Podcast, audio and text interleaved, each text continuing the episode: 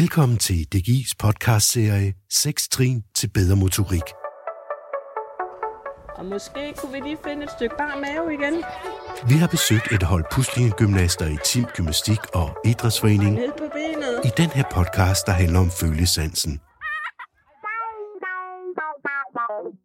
Jeg hedder Søren Prehn, Og jeg hedder Jonna Toft. og vi to vi er værter på en serie fra DGI, en podcastserie, der handler om motorik. Og fokus i dag, det er om følesansen. Og følesansen, den er vigtig for, at vi udvikler præcise bevægelser og for vores kropsfornemmelse. Sådan fornemmelsen af, hvor går min krop til, og hvor starter de andres, og hvor starter det, vi rører ved. Følesansen, det er en af de her primære sanser, som sådan er grundlaget for vores bevægelser. Der er labyrintsansen, som vi hørte om i det sidste program, og så er der følesansen, og der er muskelledsansen. Og når man kobler de tre med synet, så har man grundlaget for vores balance. Den første, vi skal møde i den her podcast-episode, det er Charlotte Ede Frost, der er børn- og ungekonsulent i DGI Vestjylland. Hun arbejder med at give lærere og pædagoger mere viden om, hvordan de kan stimulere børns motorik. Jamen, øh, følesansen, den sidder jo i vores hud og i vores indvold og i vores slimhinder. Den hjælper med at registrere alt det berøring, som vi egentlig får. Alt det, der sker, øh, når huden bliver berørt. Det er også, øh, man kan sige, den har en undersøgende del og en nysgerrig del.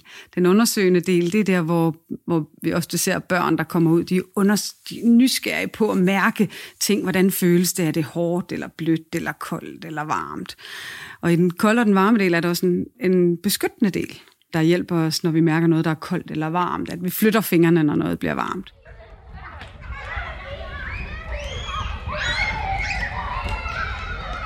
Følesansen er en af de vigtigste sanser i forhold til, at vi kan mærke, øh, hvor vi er henne i rummet. Altså, hvad er det for noget underlag, vi bevæger os på, og hvordan føles det, når vi er sammen med andre mennesker og skal berøre os af dem. Hvis vi ikke stimulerer den, så, øh, så, så vil det påvirke den måde, vi agerer på. Øh, hvis ikke vi bryder os om, at der er nogen, der rører ved os, jamen så vil vi trække os fra lege og aktiviteter, hvor man skal røre ved hinanden. Øh, og det vil så hæmme de sociale relationer, man kan få, når man for eksempel er på et hold, eller man indgår i sociale relationer i andre sammenhænge øh, med fællesskaber. Hvis man ikke synes, det er rart at være nær andre, så vil man måske bruge en masse kræfter på at undgå at komme til at røre ved andre. Og så vil man ikke have samme overskud til egentlig at lave den idræt, man er afsted til. Hvis jeg hele tiden skal prøve at planlægge, hvordan kan jeg komme ned til den anden ende, uden at røre ved nogen af de andre, for det synes jeg ikke, der er rart, så vil jeg ikke have det samme overskud til at koncentrere mig om egentlig at skulle ned og ramme den bold, eller ikke at blive taget i en fangelej, eller øh, grine og have det sjovt sammen med mine venner. Sker det bevidst? Nej, det sker ubevidst. Kroppen den er smart. Lige så snart der er noget, der ikke er rart, så indretter den de handlinger, som vi laver efter, at nu skal vi undgå det. I har ikke tryllet dem væk, det var godt. Hej. Ja. Nej, nej. Ved I hvad? Det er Og så skal vi en tur i Timhallen. Og for dem, der ikke lige ved, hvor det ligger hen, så er det nord for Ringkøbing. Ja, vi har besøgt Pernille Kær Konradsen. Hun har et øh, puslinge gymnastikhold i Tim Gymnastik og Idrætsforening, og de mødes hver mandag.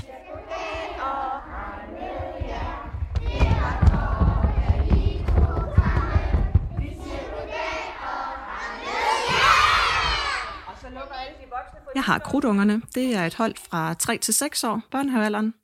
Og de lever meget godt op til ordet krudtungerne. Det er børn med gang i, og det er bare fedt. Hvad er det for noget træning, I laver? Jamen, øh, det er den grundlæggende gymnastiktræning, så de er forberedt og er klar til at skal videre op på det næste hold, hvor de skal lære at springe. Men det er også rigtig meget omkring deres motorik. Og det er meget, hvor vi er bevidste om deres sanser, fordi rigtig mange børn, deres sanser og motorik, det halter lidt. Det er de her kære iPad-børn, som vi kalder dem, som har svært ved at bukke i nakken og sådan noget. Så der, der har vi rigtig stor fokus på, at vi når omkring alle sanserne. Så gymnastik, jo, det er gymnastik, men det er også lige så meget øh, leg, motorik og bevægelse.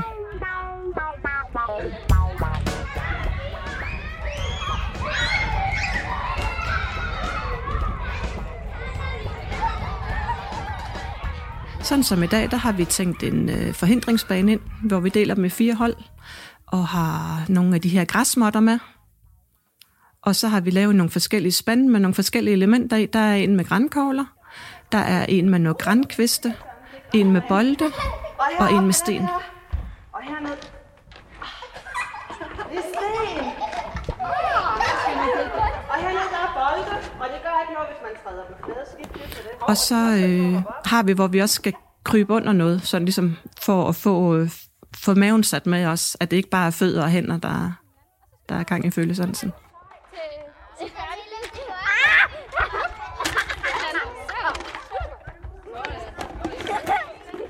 Jamen altså, vi sætter det op på en lang række. Og øh, nogle der er det nok lidt grænseoverskridende, så vi er en voksen, der er på hver hold, så kan vi guide dem igennem. Og så er det simpelthen, jeg får stimulus og sådan ligesom fornemme, nå, hvordan er det at træde på en grænkål, og hvordan er det at træde på sten med bare tær.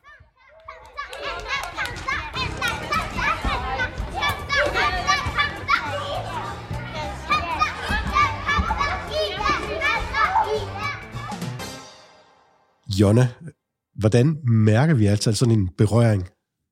Vi har sådan nogle, vi har sådan nogle små sanseceller, der registrerer berøringer. Og de sidder, de sidder over hele kroppen, men de sidder især på hænderne og fødderne, og så i, i ansigtet. Følesansen, den hedder også taktilsansen, og den skal stimuleres hele tiden, også når vi er voksne.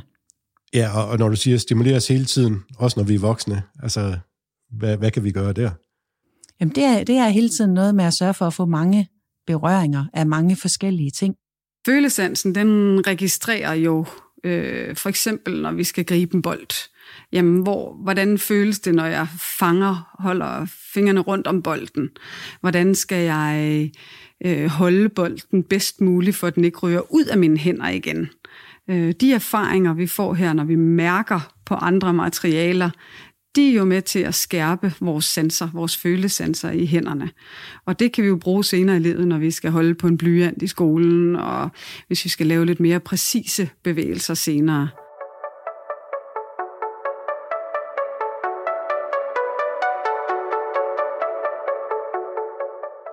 Lige præcis det der med at røre ved andre, øh, og man kan lide det eller ikke kan lide det, det er der, vi oftest får, ser det som trænere. Fordi der er nogle børn, der slår andre, eller nogle børn, der altid har brug for at røre ved de andre. Og det kan jo være, der er jo både børn, der er øh, altså, taktilsky, som ikke bryder sig om det, og nogen, der er meget taktilt søgende, som hele tiden har brug for at mærke og nysgerrige på dem, der står ved siden af. Øhm, så jeg, jeg tænker, at det er et sted, hvor vi skal være nysgerrige på de børn, vi har, øh, og opmærksom på, at der er forskel på, om man øh, bryder sig om at stå tæt ved andre, eller om man lige har brug for en lille smule afstand og, og skal øve det. Vi kan jo nemt øve øh, følelse, altså lave øvelser med følesansen, når vi laver samarbejdsøvelser, hvor man er sammen to og to. Og hvis vi oplever, at der er en, der har lidt svært ved det, så vil det jo være vigtigt, at vi finder hendes bedste veninde, eller hans bedste ven, eller man måske lige der er sammen med en af de unge hjælpetrænere, så man kan være lidt mere forsigtig, end en af de andre børn måske vil være, for at tage hensyn.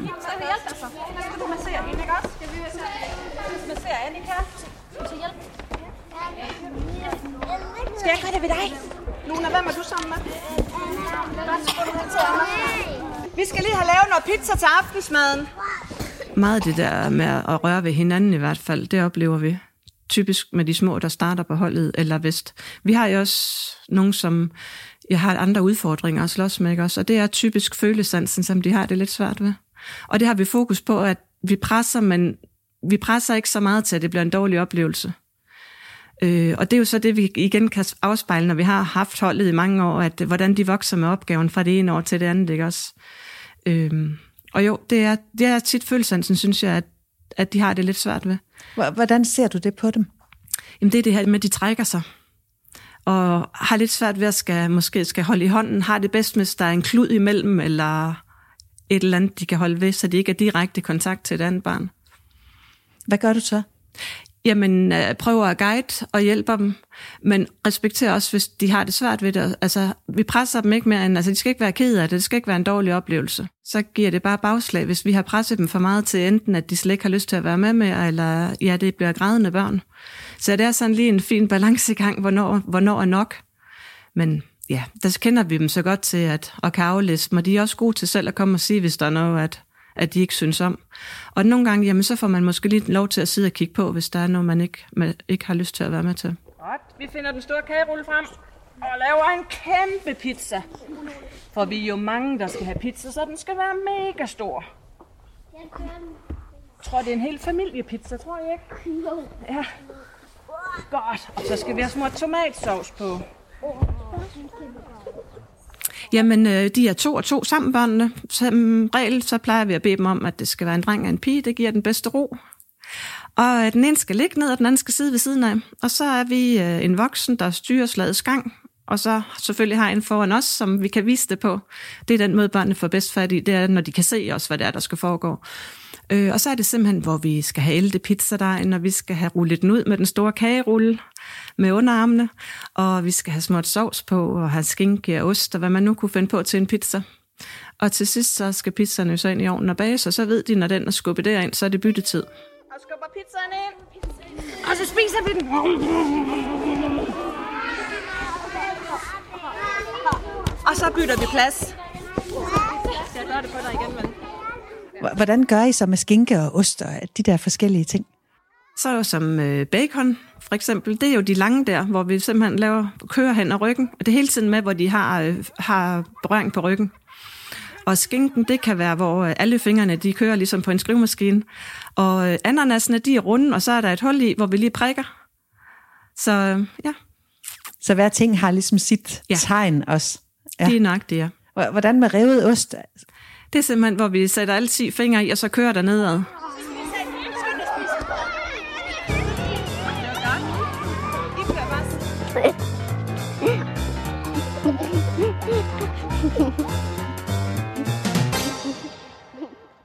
Men hvad gør man så med de børn, der måske ikke bryder sig om at blive rørt ved, og som måske ikke vil holde de andre i hånden, når de er ved træningen? Ja, det har øh, Pernille faktisk et godt bud på her. Altså en løsning, det kunne være, hvis de ikke vil holde direkte i hånden, at øh, vi så måske har en karklud imellem, og, øh, og så maler på den måde. Og så kunne man måske tive fat i forældrene og sige, prøv lige at øve i jer, med jeres barn det her med at holde i hånden. Når I skal ud og gå næste gang, tag hinanden i hånden, eller lav en leg derhjemme, hvor I skal holde i hånden, så de ligesom lærer hjemmefra også, at det er faktisk okay det her. Oplever du, at det har en, øh, en mental effekt også, det her med at blive rørt ved i, ved træningen? Altså, når vi når dertil, hvor de accepterer at blive rørt ved, ja, det har det. Fordi så er det jo med fnis og fjæs en gang imellem, når, blandt andet når vi laver pizza, ikke også med det kilder og det der med at skal give krammer også nogle gange, det kan også udløse øh, glæde og, og sjov og ballade. Så jo, det har det helt sikkert.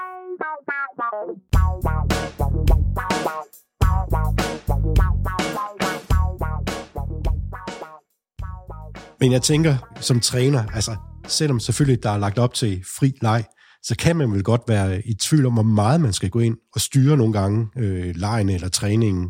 Ja, hvor meget man bare skal lade dem lege løs. Det har jeg talt med Stefan Junggren om. Han er idrætskonsulent ved gymnastik i DGI. Det, der ofte sker med børnene under den, den frie leg, det er, at de prøver sig selv af. Altså, de prøver sine egne færdigheder af, de prøver sine egne grænser af. De, de er også, egentlig også, øh, i de relationer, det er i, der prøver de også hinandens grænser af. Så det der med at eksperimentere og, øh, og undersøge og afsøge grænser, det, det er sindssygt vigtigt. Fordi vi kan godt have en tendens til som voksne og, og måske endda fratage dem lidt muligheden for at gøre det, fordi vi er bange for, at de kommer til skade eksempelvis. Vi er bange for, at de kravler for højt op i træerne. Det, hvor de så søger hen, jamen det er selvfølgelig også det, de brænder allermest for. Det, det er måske også det, de har de øh, bedste kompetencer øh, og, og størst selvtillid. Og der er man så som voksen også nødt til at sige, okay, vi er også nødt til at stimulere nogle af de ting, hvor, hvor de måske lidt mere udfordrede. Så den der kombination af at have voksenstyrede aktiviteter og, og have den muligheden for den frie leg, det er rigtig, rigtig vigtigt, fordi vi som voksne, og måske endda også som i det hele taget voksne, men også som fagpersoner, har muligheden for at, at sige, husk nu også, at vi skal også arbejde med at, at lave koldbøtter. Vi skal også huske at arbejde med at, at få noget berøring på hinanden, og, vi, og så videre, og så videre. Stefan han sagde også, at vi nogle gange stopper børnene lidt for tidligt, når de leger. Måske så synes vi, de larmer, eller vi bliver bange for, at de slås for alvor. Og så stopper vi dem, før de egentlig kommer derud, hvor de er på grænsen, og hvor det sådan bliver rigtig spændende for dem. Mange børn, de, øh, de især drenge, de, de kan godt lide at kæmpe. De kan godt lide at være, være fysisk aktive sammen, hvor de, øh, hvor de slås eller mærker hinandens kroppe og sådan noget. Øh, og det er faktisk rigtig, rigtig vigtigt, at de får lov til det. Øh, fordi de finder ud af, hvad er det, min egen krop kan, hvor er det, mine grænser er, og de lærer at tage hensyn til øh, sige, modstanderens krop, eller den anden, der er med øh, i, i lejen. Og der er det rigtig, rigtig vigtigt så som voksen, og selvfølgelig at give plads til det, men også at jagte til, okay, hvornår er det, hvornår er det, det skrider. Måske lige hjælpe dem med, at, at øh, hvad er det, hvor, hvor langt går grænsen. Altså man skal næsten lære at kæmpe. Ja, det synes jeg faktisk. Altså, man skal lære at kæmpe på, på en ordentlig måde. Man skal lære, hvad, hvad vil det sige at, at være svedig? Hvad vil det sige, at jeg kan mærke hinandens puls, øh, der, der banker løs? Hvad vil det sige at kunne mærke, at din krop er større end min, måske? Hvad betyder det for, for mine grænser? Hvad tør jeg? Og, og hvad, hvor er det den anden grænse, den andens grænse er? Og få afstemt det.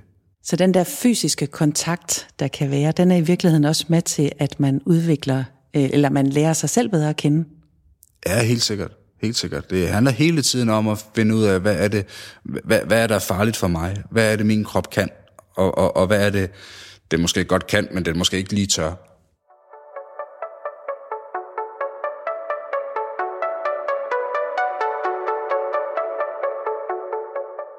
Og nu skal vi så tilbage til Charlotte Ede Frost, øh, fordi vi bad hende om at komme med nogle gode råd til, hvordan man som træner eller som forældre kan stimulere følesansen hos børnene.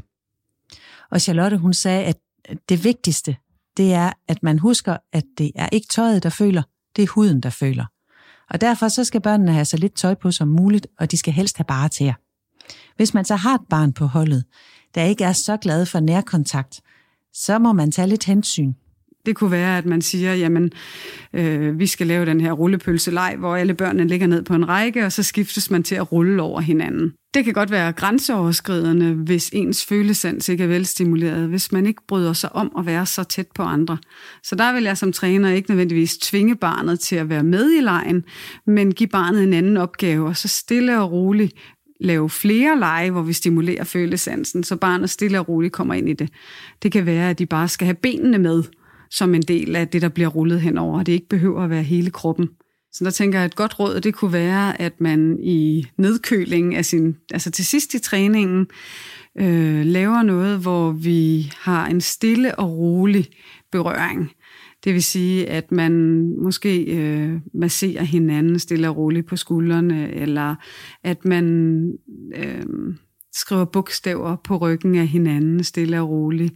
Det kan også være noget med, at man klapper bare hinanden. Vi står i en rundkreds alle sammen, og så klapper man den, der står foran øh, på ryggen. Det er altid godt at starte på bagsiden, for der har vi ikke så mange følesedler, og så er der en mindre risiko for, at vi kommer til at gøre noget, børnene ikke synes er rart.